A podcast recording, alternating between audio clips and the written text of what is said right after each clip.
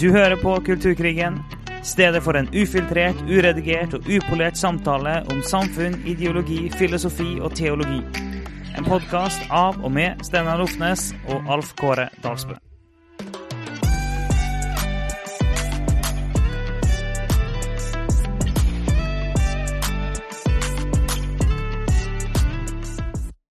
Så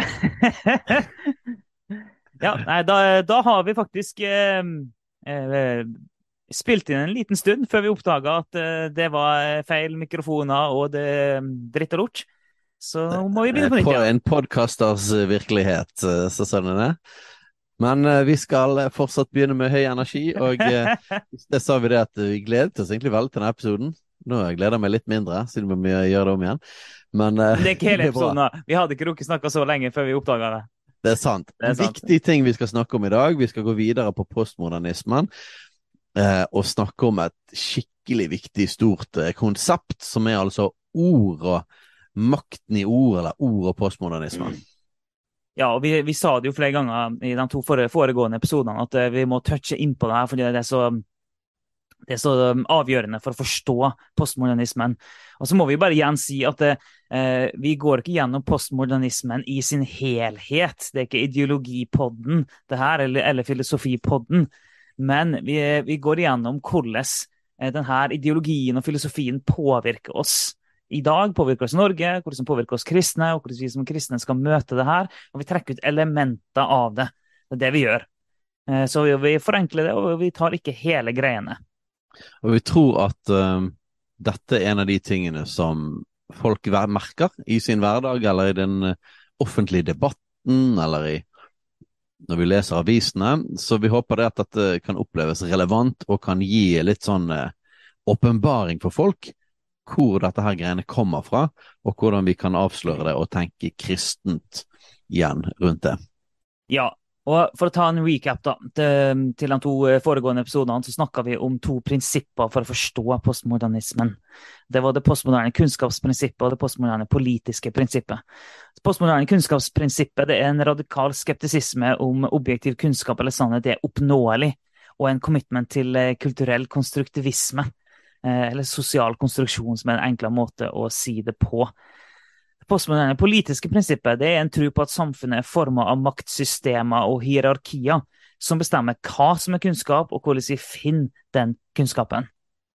Og det er, og det, er jo det med maktsystemer og hierarkier, hva er kunnskapen, og hvordan vi finner den kunnskapen, hvordan konstruerer vi kunnskap, det er en del av det vi skal touche inn på i dag.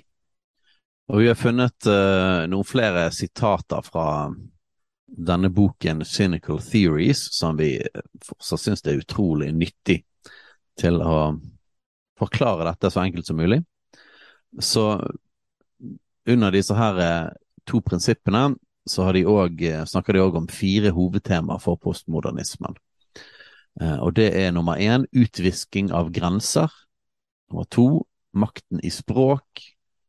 Tre kulturell relativisme. Og fire tapet av det individuelle og det universelle. Vi skal ikke gå inn i alle de tingene nå, men vi skal ta denne her eh, nummer to her, altså en av disse hovedelementene i postmodernismen, som er makten i språk. Ja. Og i episode tre så snakka vi om eh, synet på objektiv sannhet. Hva er den røde tråden der? Eh, finnes objektiv sannhet eller ikke? Eh, og i episode fire så snakka vi om eh, fakta versus følelser, hvordan eh, sannheten med hermetegn blir definert av vår subjektive erfaring. Og da er det sånn, ok, når, når sann, og, det, og det fører uunngåelig til at sannheten må konstrueres og sosial konstruksjon. Så sannheten med hermetegn den må konstrueres eh, basert på at ikke det finnes en objektiv sannhet, og eh, basert på at sannheten defineres av vår egen erfaring. Så når sannheten må konstrueres, så må jo da spørsmålet bli hvordan konstruere en sannhet? Og sannhet med hermetegn ville de vi da selvfølgelig si, men hvordan konstruere en sannhet? Jo, det gjør en gjennom ord, gjennom diskurs, som en gjerne sier.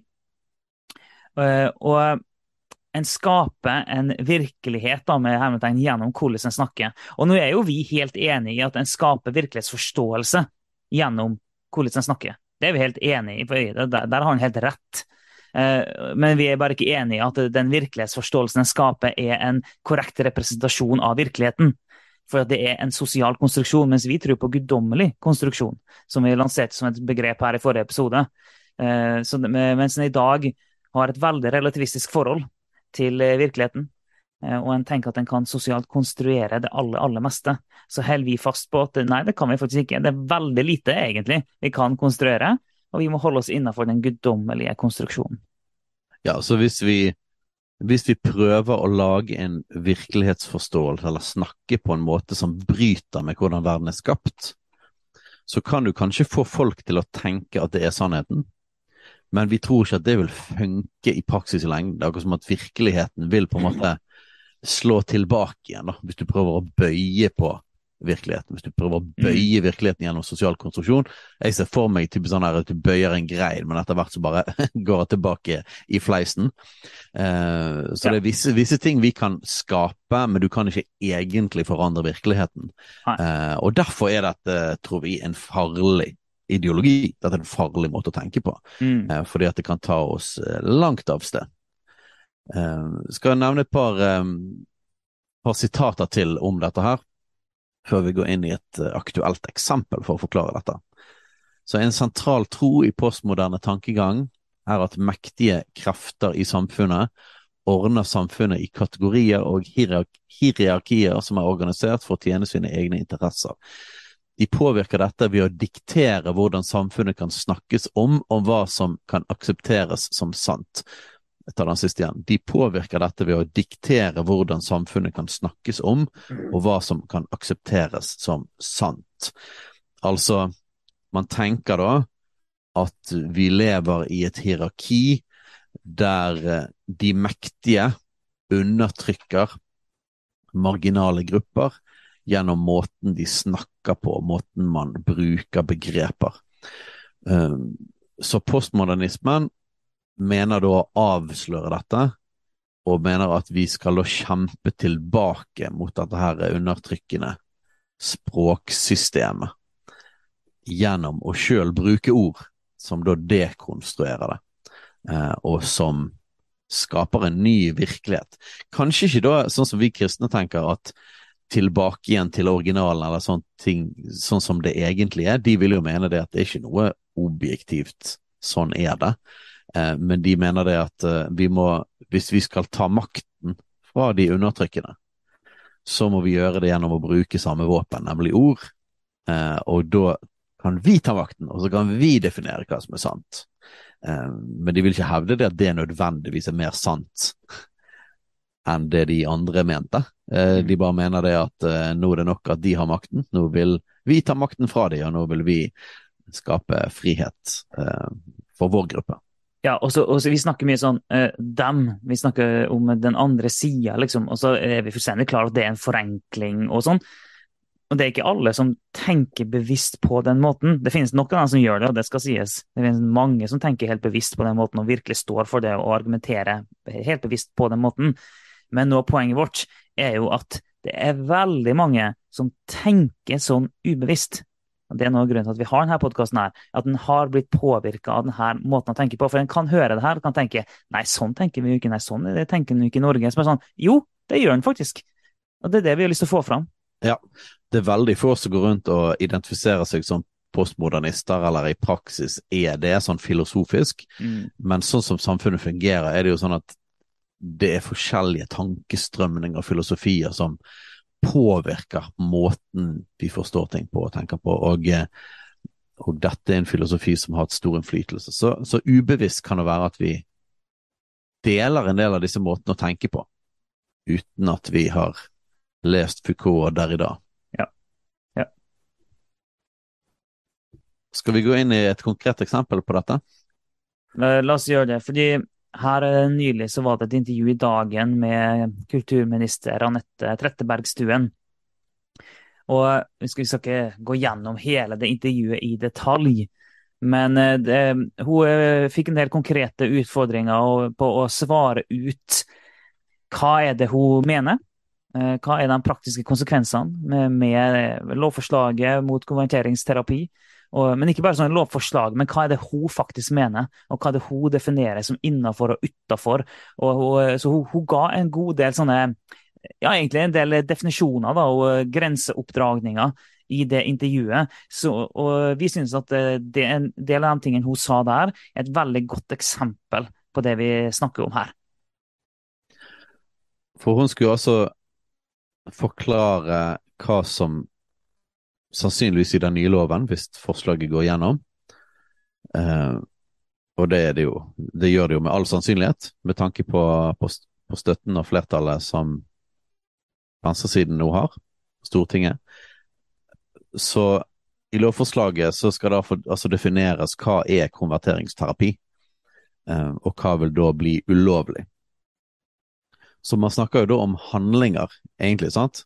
Å drive konverteringsterapi er en handling som skal være ulovlig. Men gjennom intervjuet så er det helt tydelig å se det at eh, forståelsen av hva som er en kriminell handling, kommer jo og, det kommer jo ut fra virkelighetsforståelsen. og Det kommer ut fra Og vi ser i hvordan ord blir brukt, så ser vi hvordan en person tenker. Uh, så la oss gå inn på det, da. Så, så det viktigste elementet um, i det hun forklarer, det viktigste elementet i forhold til hva som vil være ulovlig, er altså i synet på vår identitet, altså hvem vi er. Eh, hun Gjennom det hun sier, så, så sier hun implisitt at den seksuelle tiltrekningen vi har, er en så dyp del av vår person og vår identitet at det er den vi er. Så det betyr at hvis man vil forandre på det, altså konverteringsterapier, hvis, hvis, man, hvis man sier det at uh, den tiltrekningen du har, den er ikke bra, og vi vil hjelpe deg til at du ikke skal leve den ut, eller til og med at du ikke skal ha den tiltrekningen lenger, så vil da Trettebergstuen si at det vil være ulovlig, fordi at det dere vil gjøre, er å forandre personen. Du vil forandre den grunnleggende identiteten, den du er. Så det skal være ulovlig å forandre den man er. Så la meg mm. ta noen sitater fra henne. Jeg bare kjapp på den hoppen ja. der først, da, fordi at eh, hun sier at hun gjør det ulovlig å forandre den en er, og den en er, er definert av det en føler. Bare sånn For å trekke det tilbake til forrige episode med fakta versus følelser det er definisjonen på hvem en er, er det en føler. Det er den seksuelle tiltrekninga som blir definisjonen på hvem en er. Det er altså følelsene står over biologien på hvem en er. Det er riktig. Det er jo det, det, er jo det hun da sier. Så ok, la meg ta noen sånne eh, sitater her. Her blir det hele tiden spurt om hva er liksom, hva, hvor vil grensen gå, når vil det være ulovlig? Når er det konverteringsterapi?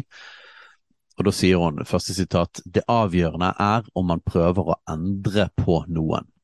Endre på noen. Forandre noen. Eh, neste. Hun presiserer igjen å forsøke å endre deg selv gjennom konverteringsterapi. Så her er det altså to varianter. Det avgjørende for at noe skal være ulovlig, er at noen, en annen person, prøver å endre på noen endre på de de er. Eller på andre siden så blir du spurt om det, ja, men hva hvis man sjøl ønsker det? Eh, da sier hun at ja, men det er å forsøke å endre seg sjøl. Så endre den man er sjøl. Så altså enten at noen andre endrer på deg, eller at du endrer deg sjøl. Og så står det videre, og sier hun, det er hvis vi metodisk og med vitende og vilje forsøker å få noen til å endre seg. Så sier hun enda lenger nede det er å press for å få personen til å endre seg. Eh, og så spør jo da intervjueren litt om sånn Ja, men er ikke det greit? Tenk hvis du velger sjøl å ikke på en måte følge din seksuelle tiltrekning. Eh, er ikke det greit, da? Og da sier hun at men jeg tror at om vi hadde hatt et fordomsfritt samfunn, hadde man ikke hatt en grunn til å skjule hvem man er. Som vil også si det at hvis hvis du ikke vil handle på din seksuelle tiltrekning, så er det å skjule den man er. Videre sier hun i dette tilfellet er det de religiøse miljøene man er en del av, hvor man blir fortalt at man ikke kan være seg selv. Altså de religiøse miljøene sier man kan ikke være seg selv. Så identiteten din, hvis vi sier for eksempel å leve ut um, Å ha sex med en person av samme kjønn er synd, så vil de si at nei, dette er egentlig å si at man blir fortalt at man ikke kan være seg sjøl. Og, og så sier hun videre det skaper ønske om å endre seg. Så vår forkynnelse da, skaper et ønske om å endre seg. Vi vet at det å undertrykke deler av seg selv har stor psykisk ska, stort psykisk skadepotensial, legger hun til. Så undertrykke deler av seg selv og så sier hun det siste sitatet her, at det å leve fullt og helt i tråd med hvem man er, gir et bedre liv. Så, så, så, så hva er det hun sier her hele tiden, da? Det er dypt i din identitet. Altså din seksuelle tiltrekning er den du er. Er. Altså noe uforanderlig, noe kjempedypt. Det er din, hele din person.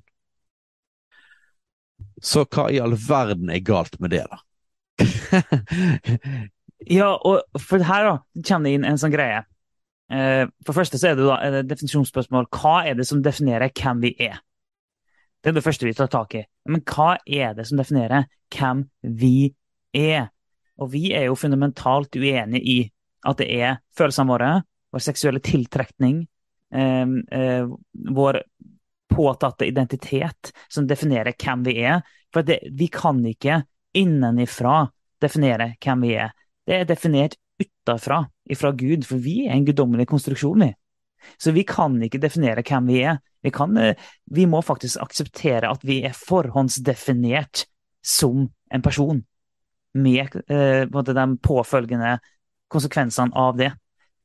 Så dette krasjer rett og slett med en, med en kristen tanke om identitet? mm. og hvor vår identitet kommer fra. Mm. Så før vi helt tatt kommer til uenigheten om eh, hva som er greit å ikke gjøre i konverteringsterapi, så vi kommer ikke engang så langt i denne diskusjonen. For at hele loven er basert på en annen virkelighetsforståelse enn en kristen virkelighetsforståelse. Så vi kan ikke godta det. Og det her er det kristne går i baret igjen og igjen og igjen og igjen. og igjen. Ja, at, ja, bare fullfør, du. Bare fullfør.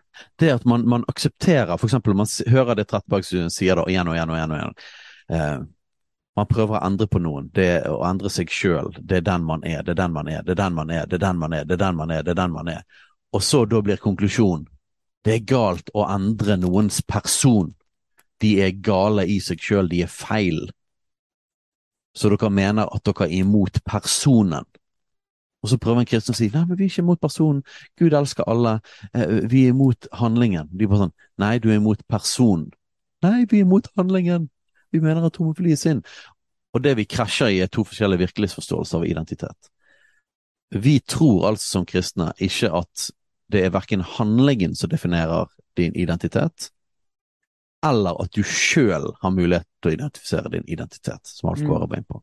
Vi tror altså at identiteten er fastsatt fra skapelsen av. Så når det gjelder mann og kvinne, så betyr det at fordi vi er skapt som mann, eller skapt som kvinne, så er identiteten er mann og kvinne.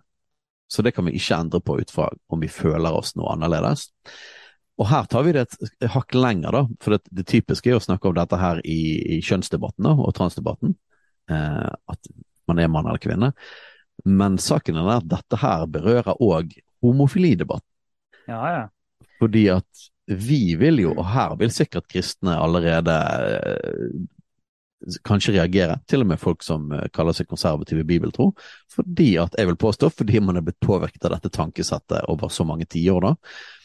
For jeg vil jo si det at eh, Bibelen definerer ikke bare kjønnet vårt, men det definerer faktisk seksualiteten vår ut fra vårt kjønn. Mm. Så hvis man er skapt som mann, så har man en mannlig seksualitet. Eh, det fysiske Og nå bare, hvis folk er følsomme her, så får de heller eh, lukke ørene. Men vi får snakke helt ned i biologien og det fysiske og guddommelig konstruksjon her.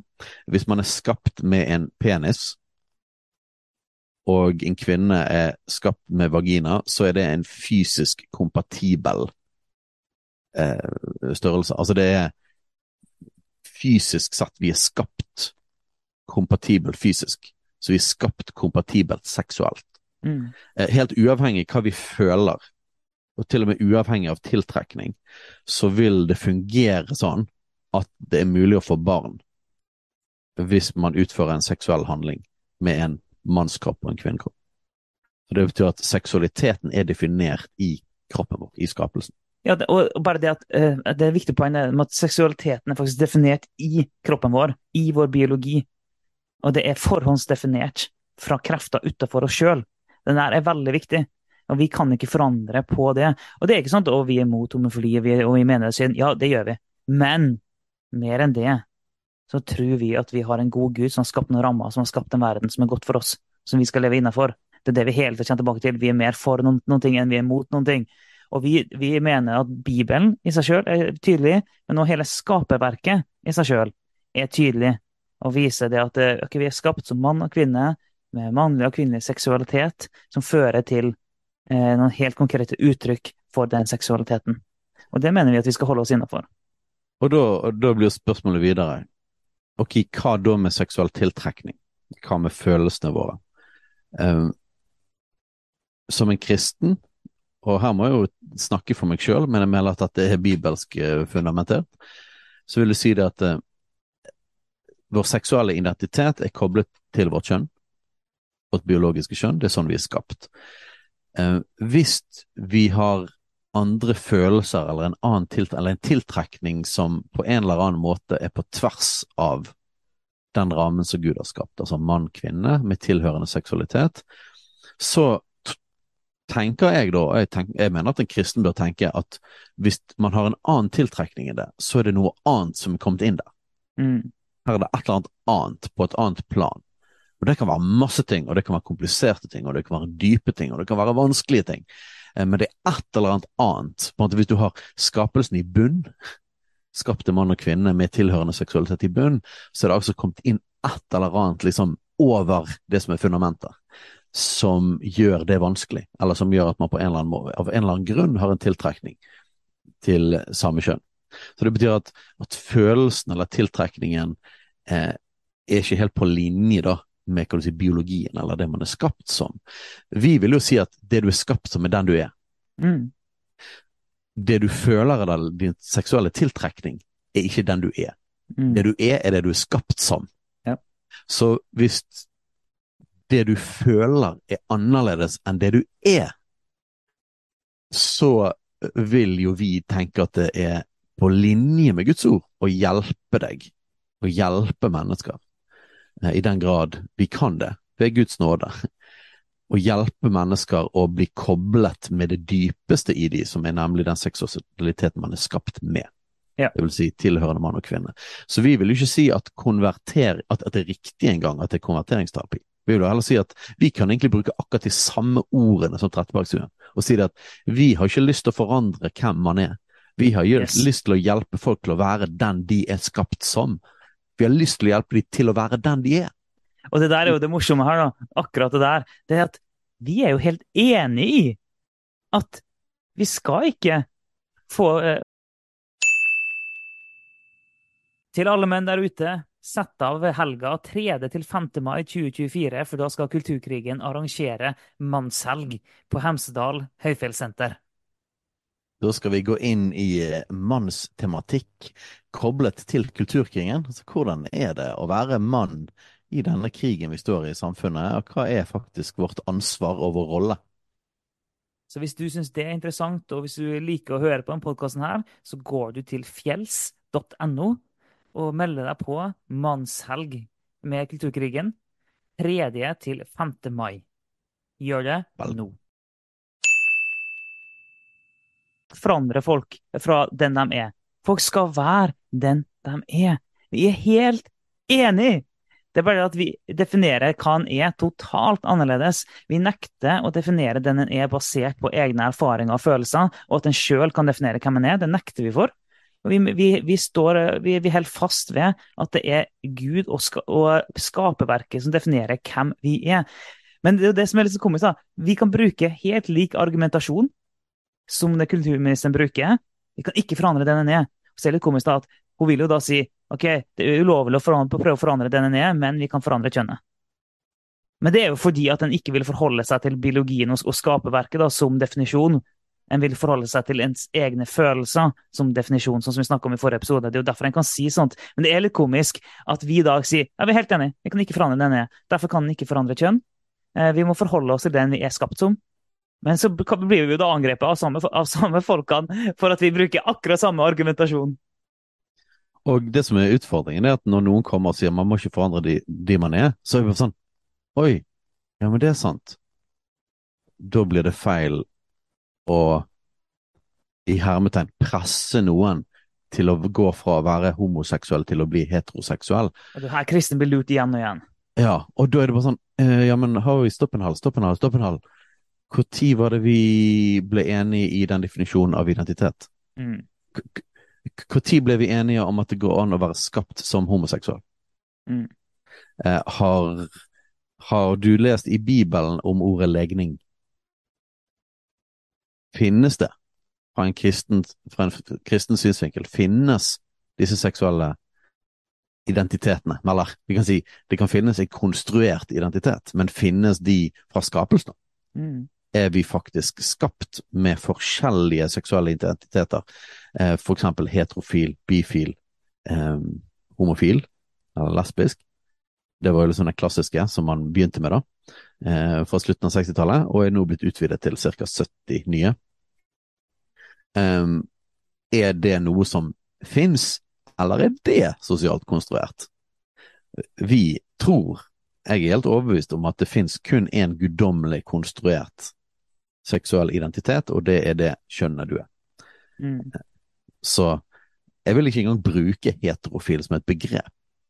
For heterofil eller cis-normativ Bare å bruke begrepet betyr en aksept av at det går an å ha en seksuell identitet som er annerledes enn det du er skapt som.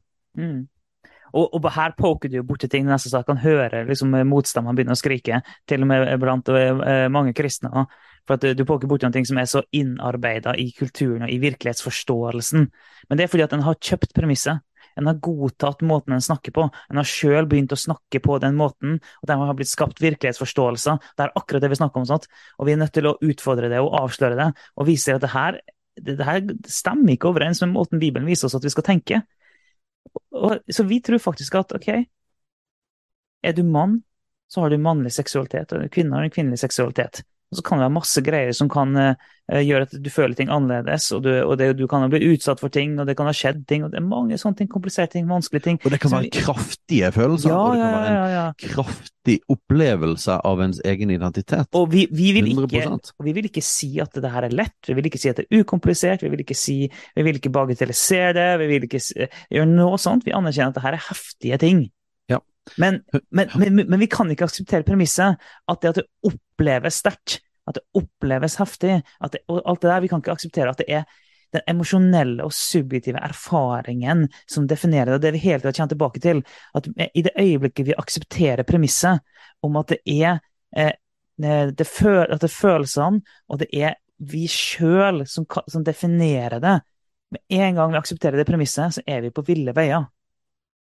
Og det interessante med dette, da, prøve å gå videre fra dette eksempelet til å snakke mer om hele dette konseptet med ord, men det interessante er jo det at eh, her står vi i fare for, mest sannsynlig blir det vedtatt en lov som i praksis vil forby vår forståelse av identitet og å handle på det. Man kriminaliserer en virkelighetsforståelse, med andre ord. Ja. Så det blir på en måte ved lov fastsatt at identitet blir konstruert Ja, tenk på det. av mennesker. Tenk på det. Eh, det er ikke basert på biologien, og det er ikke basert på en skaper. Det er basert på våre egne opplevelser av oss sjøl. Såpass at hvis noen vil endre på din egen opplevelse av deg sjøl, og si det at det er ikke den du egentlig er, så vil det være ulovlig. Det morsomme da, er jo at uh, nå, nå, tror ikke vi på at vi er noe offer, så vi skal, vi skal være forsiktige med å spille uh, Gå inn på samme måte å tenke og argumentere på. Men det er jo litt morsomt da, at uh, hvis en skal følge den logikken, så kan vi jo si at ja, men hvis du prøver å få oss til å slutte å tro på Gud, så forandrer du den vi er. Og vi vil hevde at, og vi vil hevde at det å tro på Gud en mye dypere greie enn den seksuelle identiteten. For det, jo, det, jo, det handler om den hele vår totale eksistens er jo definert ut ifra eh, om Gud fins eller ikke. Så vi vil påstå det til og med dypere. Så det å prøve å få oss til å mene og tro noe annet enn det vi mener, det er, er etter deres egen definisjon så er det å forandre på den vi er. Så Dermed, er, dermed er det, bør det etter loven da være ulovlig å forandre eh, i hermetegn, mørkemenn og konservative kristne, det må da være ulovlig etter deres egen logikk og definisjon. Og vi vil jo selvfølgelig ikke mene det. Vi mener at nei, det er jo helt høl i hodet. Selvfølgelig skal det ikke være sånn. Vi vil aldri argumentere for det. Men vi bare sier det at deres egen måte å argumentere på har egentlig den logiske konsekvensen. Ja, og dette, oi, dette er et heftig tema. Og jeg håper at folk, eh, jeg håper folk klarte å henge med på den der, og hvis ikke, så hør det noen ganger til. For eh, dette er nettopp på grunn av det vi snakker om. Ord er makt, og at man kan skape virkeligheter gjennom ord. Så det som har med seksualiteten og identitet, det er blitt banket sånn inn i oss fra så mange kanter over så mange år, at vi kristne ofte tar det som god fisk. Uh, og, og, dette utfordrer meg, altså, når kristne holder fast ved at Bibelen sier at seksuelt samliv med samme kjønn er galt, altså er synd, men man, man har likevel kjøpt forståelsen av seksuell identitet. For meg er det et kjempeproblem, mm. uh, og egentlig bare er skrittet før at du aksepterer aksepterer at, uh, at vi må endre på den teologien. Fordi at vi òg er enige at hvis du skal virkelig ta noen og så bare prøve å tvinge dem til å være noe de ikke er, mm. eh, så er ikke det bra. Det er ikke det. Vi er bare helt uenige i hva han er.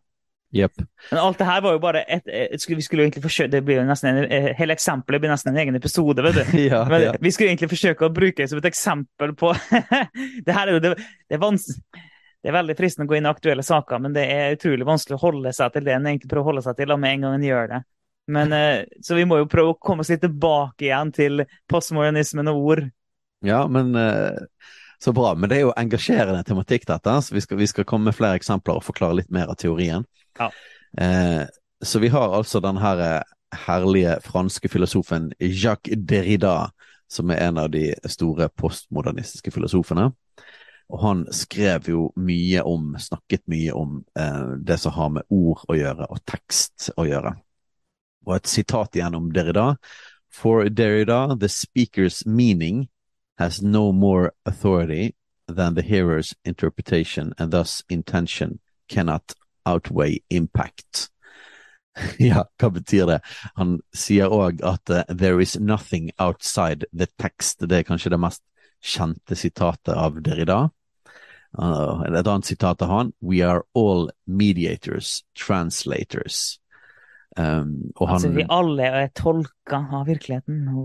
så, så uh, han tok òg videre et konsept fra en som heter Roland Barth, Barths, ja, et eller annet sånt som jeg, som skrev, eh, skrev en tekst som het The Death of the Author, og Derrida tok videre det prinsippet fra han. Så hva i all verden er dette her for noe, Alf Kåre? Skal vi prøve å forklare litt Derrida og, og? Ja, og vi, og vi, skal jo prøve å forklare det. Og, og igjen, her blir en forenkling, og vi går ikke i dybden på det. Eh, og så vil noen tenke hva, er relevant med Derrida liksom, inni det her? Hvordan er det relevant? Men da vil vi hele tida hele tida vil vi komme tilbake til du er mer påvirka enn det du tror. Det er du alltid. Eh, og vi tenker mer i tråd med det her enn det vi er klar over. Derfor går vi hele tida tilbake. Og, bare hør, da, når dere da som er en veldig innflytelsesrik eller var, uh, Han er vel død nå, men en, en, var en veldig innflytelsesrik filosof. Når han sier at den som snakker, intensjonen og meninga til den som snakker, har ikke mer autoritet enn tolkninga til den som hører. Altså tolkninga til den som hører, har like stor autoritet som intensjonen til den som snakker. Så det vil si at uh, tolkninga, følelsene, den erfarte virkeligheten av ordene som har kommet din vei, har like stor vekt som det som faktisk kom din vei, og det som var meninga og intensjonen med de ordene som kom din vei. Så hvordan ser dette ut, da? Eh, for eksempel i standup. Det har vært masse herlige saker de siste årene med standup-folk som eh, sier ting som folk opplever seg krenket av. Eh, så man er altså på et standup-show, og så er det masse vitser. Um, og så sier man det at jeg føler meg krenket av det som ble sagt. Og uh, denne standup-fyren, han er transfob eller rasist eller homofob eller en av disse her ordene.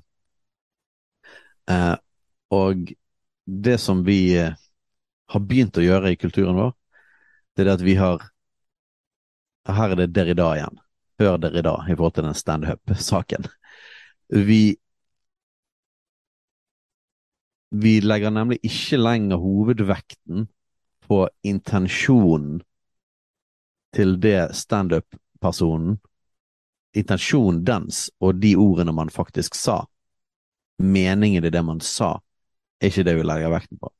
Det vi legger vekten på, er opplevelsen til den som hørte. Mm.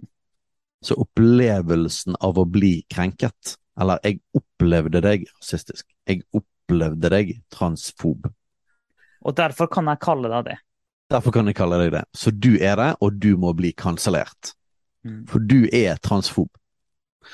Og hvis, hvis da å, Hvem er det som eh, har vært mest i vinden på dette i det siste? Det er jo han Han, han som de prøvde å kansellere fra Netflix. Eh, Dave. Chappelle. Sant? En av de største standup-folkene i verden. Så Dave Chappelle har jo bare utmerket seg de siste årene med å uh, gå på de radikale feministenes side, de som kalles turf-feminister.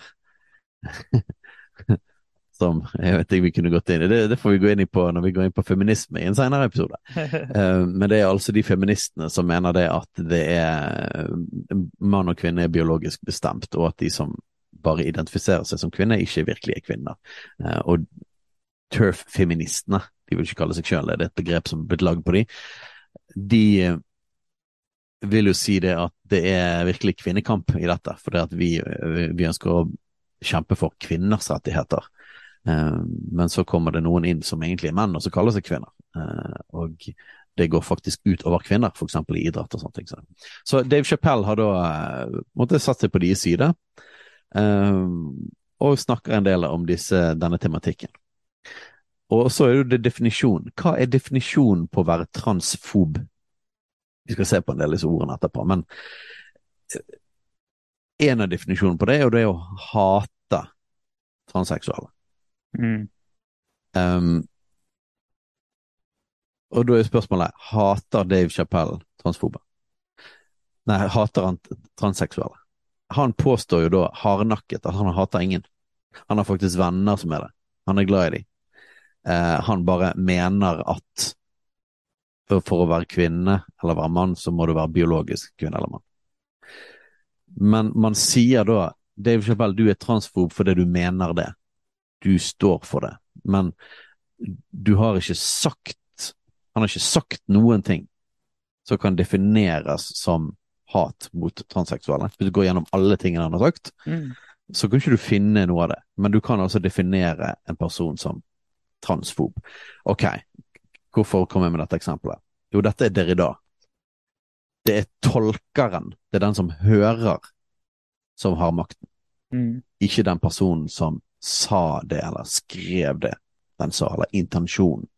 Så vi har lagt, vi har lagt definisjonsmakten primært på individet, ikke på objektivitet eller på forfatteren. Og, og hvis vi har kjøpt hele den postmodernistiske virkelighetsforståelsen, så må vi akseptere at hvis en person føler seg krenka, så er en krenka. Da, vi, da, må vi akseptere det. For da, hvis, hvis sannheten er su, uh, definert av den subjektive erfaringen, og det er bare de ulike gruppene som kan vite sannheten for sin gruppe, osv., osv., det finnes ikke objektiv sannhet, har vi kjøpt det, ja, da må vi akseptere at hvis en person er krenka, ja, da er en krenka.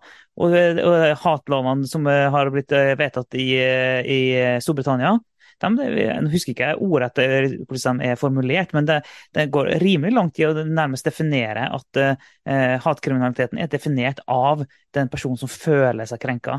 Ikke nødvendigvis hva som ble sagt eller hva som har skjedd, men om personen føler seg krenka. Og det er jo her da at eh, ordet ytringsansvar er det noen som har hørt om. Det er et ord som har kommet inn mer og mer de siste årene. Og vi vil jo da trekke ytringsansvar, det er en direkte konsekvens av dere da. Eh, og og igjen, da, kristne kan bli så lurt, fordi at ytringsansvar har vi, har vi, et ansvar for det vi sier? Ja, selvfølgelig har vi et ansvar for det vi sier. Um, og det er, det er vi sjøl som står ansvarlig for de ordene som kommer ut av vår munn. Og som kristne så skal vi snakke i tråd med Guds ord. Og vi, som kristne er vi en representant for Gud på jorda. Og det er klart at vi har et ansvar for ytringene våre. Vi har et ansvar for hva vi sier, og det vi sier, det må være sant, og det må være godt. Det det er vi 100 helhjerta enig i. Men når mange bruker ordet ytringsansvar, så er det ikke det de mener. De mener at du har et ansvar for at dem som hører det du sier, ikke føler seg krenka. Det er det de ofte mener med ytringsansvar. Altså ikke du er ansvarlig for å snakke ordentlig, fint osv. Nei, du er ansvarlig for andre sine følelser. Det er en definisjon av ytringsansvar som er direkte ut av dere da, og som vi kristne ikke kan akseptere. Så et begrep på engelsk, safe spaces, Eh, dette har allerede begynt i Norge, men det er jo kommet mye lenger enn engelskspråklig verden. Men man definerer, man snakker om at universiteter f.eks. skal være safe places, eller eh, standup-klubber skal være en safe place. Det vil si at et sted der ingen blir krenket. Det betyr at mm. man ikke har lov til å snakke om noe på universitetet. Man kan ikke undervise om ting som folk føler seg krenket av. Man kan ikke snakke om ting eller bruke, ha vitser i, i, i da på en standup-klubb som folk føler seg krenket av. Man erklærer at dette skal være en safe place. Uh, og vi har sett annet, uh, en annen effekt av dette, er jo advarslene som er kommet før de gamle Disney-filmene. Mm. Der det er en advarsel om at det blir brukt ord eller stereotyper som er krenkende. Så det er jo på en måte Disneys forsøk på å lage filmen safe, eh, selv om det er en Disneys gammel film. Disneys ytringsansvar, på en måte. ja. Og, eh, men de nye filmene de da lager, så trenger de ikke advarsel, for da, sørger de for at hele filmen er safe, og at ingen skal bli krenket av den. Nå er det sånn at digresjon har ikke noe å si om en kristen føler seg krenket eller støtt yes. på grunn av våre verdier, men Eh, her går jo alt på da den som da har rettigheten til å være krenket.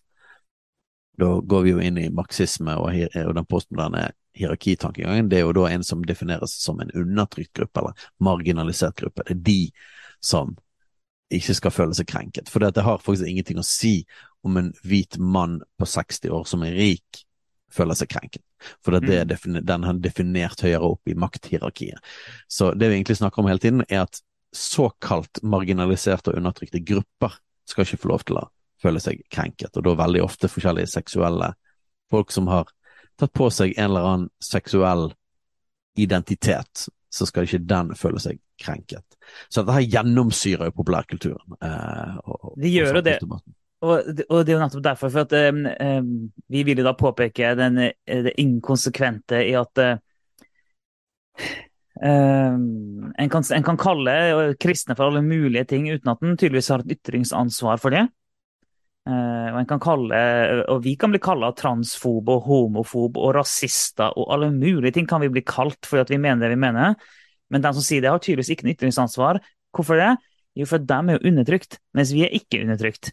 Og, uh, og igjen, vi er jo ikke enige i den måten å se virkeligheten på, så vi vil aldri argumentere ut fra det. Men hvis en skal gå inn og se på ok, undertrykt og sånn ja, Kristne er definitivt i minoritet, i alle fall. Det er noe helt sikkert. Og når det blir lagt inn i lov at kristen, en kristen måte å se verden på i praksis blir ulovlig, ja, jeg vil nå si det at det, det, det er ikke vanskelig å argumentere for at kristne er en minoritet og undertrykt gruppe, med å bare bruke akkurat de samme parametrene som alle andre såkalt undertrykte grupper gjør. Det er ikke noe vanskelig å argumentere for det. Så vi, kunne ha gått den veien og sagt at, at ja, bare igjen, da, ut fra deres egne definisjoner av parametere, så er vi kristne en undertrykt gruppe. Dermed er det ulovlig for dem å, å prøve å endre oss. og um, de må, må, ha et ytringsansvar. De kan ikke drive og kalle oss sånne ting, for da blir vi såra. Og, og, det, og det er derfor det oppleves så inkonsekvent hele tida. Men vi vil jo ikke argumentere på en måte, men vi tror ikke at det er sånn virkeligheten henger sammen. da. Det gjør vi ikke. Men ja. vi bare syns det er litt håpløst av og til. Og det er jo her eh, postmodernismen er koblet på marxismen. Mm. Marxismen legger på en måte dette hierarkiske verdisystemet under. De forskjellige gruppene mot hverandre, klassekampgreien. Og så er det blitt brutt ned i mange forskjellige grupper etter hvert. Skal vi snakke om når vi snakker om nymarxisme etter hvert òg. Um, så det er liksom Hierarkiet i bunn er ganske marxistisk, og så er dette ordgreiene for postmodernismen er puttet på topp. Mm. Uh, så dette er jo en utrolig interessant tematikk. Jeg har lyst til at vi skal la oss gå inn i hvordan blir ord brukt i kulturkrigen med. Vi har jo vært inne i det, men, men det er flere ord vi må se på. Så fordi vi tenker at sannhet er blitt konstruert av ord, av de mektige, de som har makt, så må man altså selv bruke ord for å dekonstruere sannheten, med hermetegn, altså det dominerende måten å forstå ting på, må dekonstrueres gjennom ord. Jeg husker i mange, mange eh, politiske program nå ved, ved, forrige valg, så så jeg det at det med normkritikk er et mm. ord som ble, eh, ble brukt veldig mye.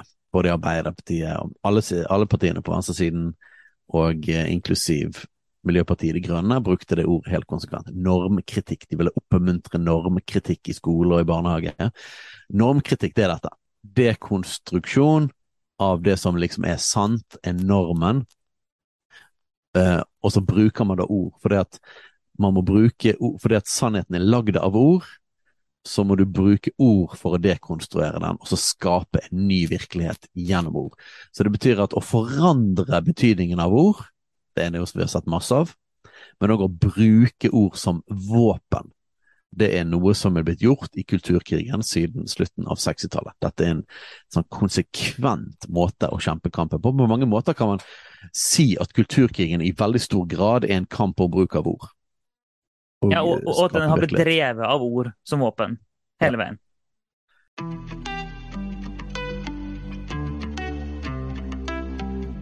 Takk for at du lytter på Kulturkrigen. Om du har tilbakemeldinger, spørsmål, hva som helst egentlig, send inn til post alfakrøll kulturkrigen.no eller på sosiale medier.